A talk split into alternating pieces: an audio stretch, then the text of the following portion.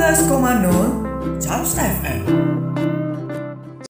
19,0 Chaps FM Radio kesayangan anak cap kau Hai Sobat Captins, gimana nih kabarnya? Aku harap kalian baik saja ya.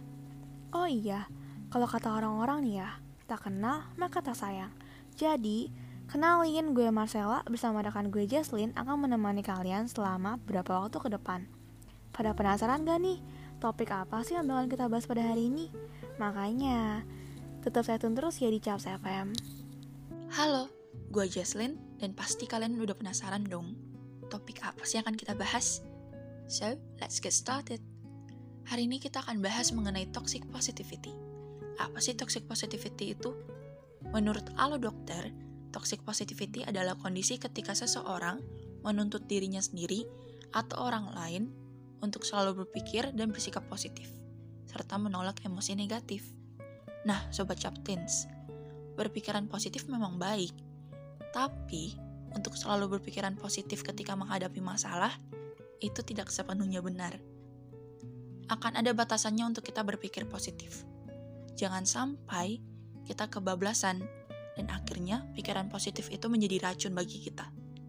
Jika seseorang memaksakan diri untuk tetap positif, hal yang mungkin terjadi adalah dia akan menyalahkan diri sendiri karena apa yang dialami tidak sesuai dengan ekspektasinya.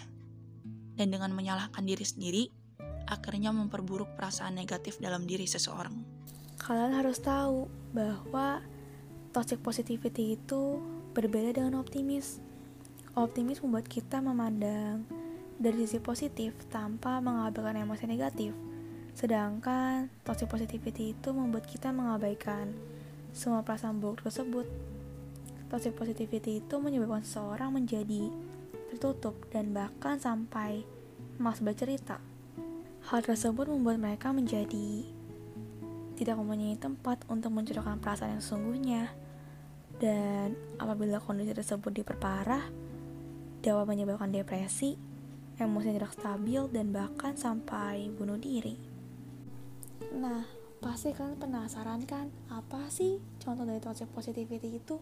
Salah satu contohnya itu adalah ketika seorang bercerita mengenai masalah yang dialaminya, namun temannya malah membalas dengan, kamu lebih beruntung, masih banyak orang yang lebih menderita dari kamu.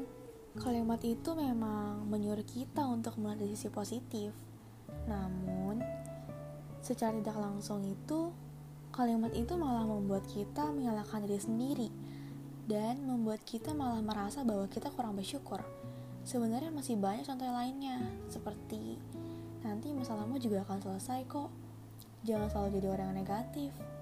Dan masih banyak lagi. Orang-orang yang mengatakan hal itu sebenarnya tuh mereka memiliki niat baik. Namun cara penyampaian dan waktunya saja yang salah. Nah, Sobat Captains, kita harus menghindari toxic positivity. Jika ada teman kita yang curhat kepada kita, biarkan dia meluapkan atau mengungkapkan perasaan yang dialaminya hingga dia merasa lega.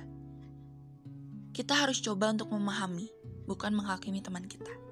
Terkadang, menjadi pendengar lebih dibutuhkan loh daripada menjadi pemberi saran yang terkesan judgmental. Namun, apabila teman kita meminta balasan, kita dapat mengatakan hal seperti, wajar kamu merasa kecewa atau marah dalam kondisi sekarang ini.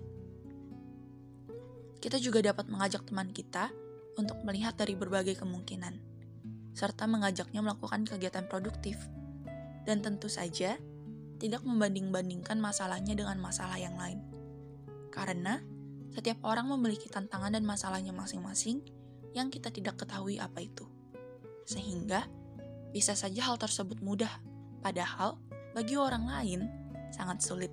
Begitupun sebaliknya.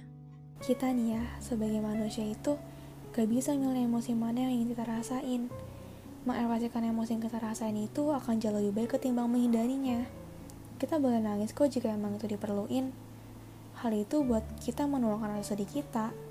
Namun, setelah kita dapat mencoba untuk menyingkirkan emosi tersebut secara pelan-pelan, kita dapat melakukan kegiatan yang produktif loh. Kegiatan produktif yang dapat kita lakukan itu dapat membuat kita melupakan perasaan sedih yang sedang kita alami.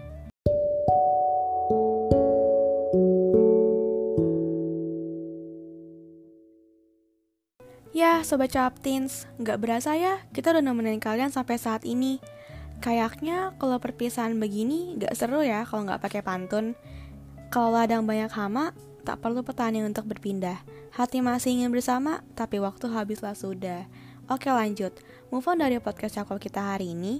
Buat kalian yang mau request lagu, bisa langsung isi question box yang tersedia di Instagram kita ya. Oh iya, gue juga mau ingetin nih. Jangan lupa follow Instagram at osismpk19ykt dan juga at Moments, supaya kalian gak ketinggalan konten seru dan acara menarik lainnya. Dan juga, kita udah deket nih sama pekan penilaian akhir semester.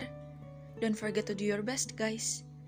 Terakhir, Jangan lupa untuk selalu mematuhi protokol kesehatan dan mendukung program vaksinasi dari pemerintah. So, see you next week and goodbye.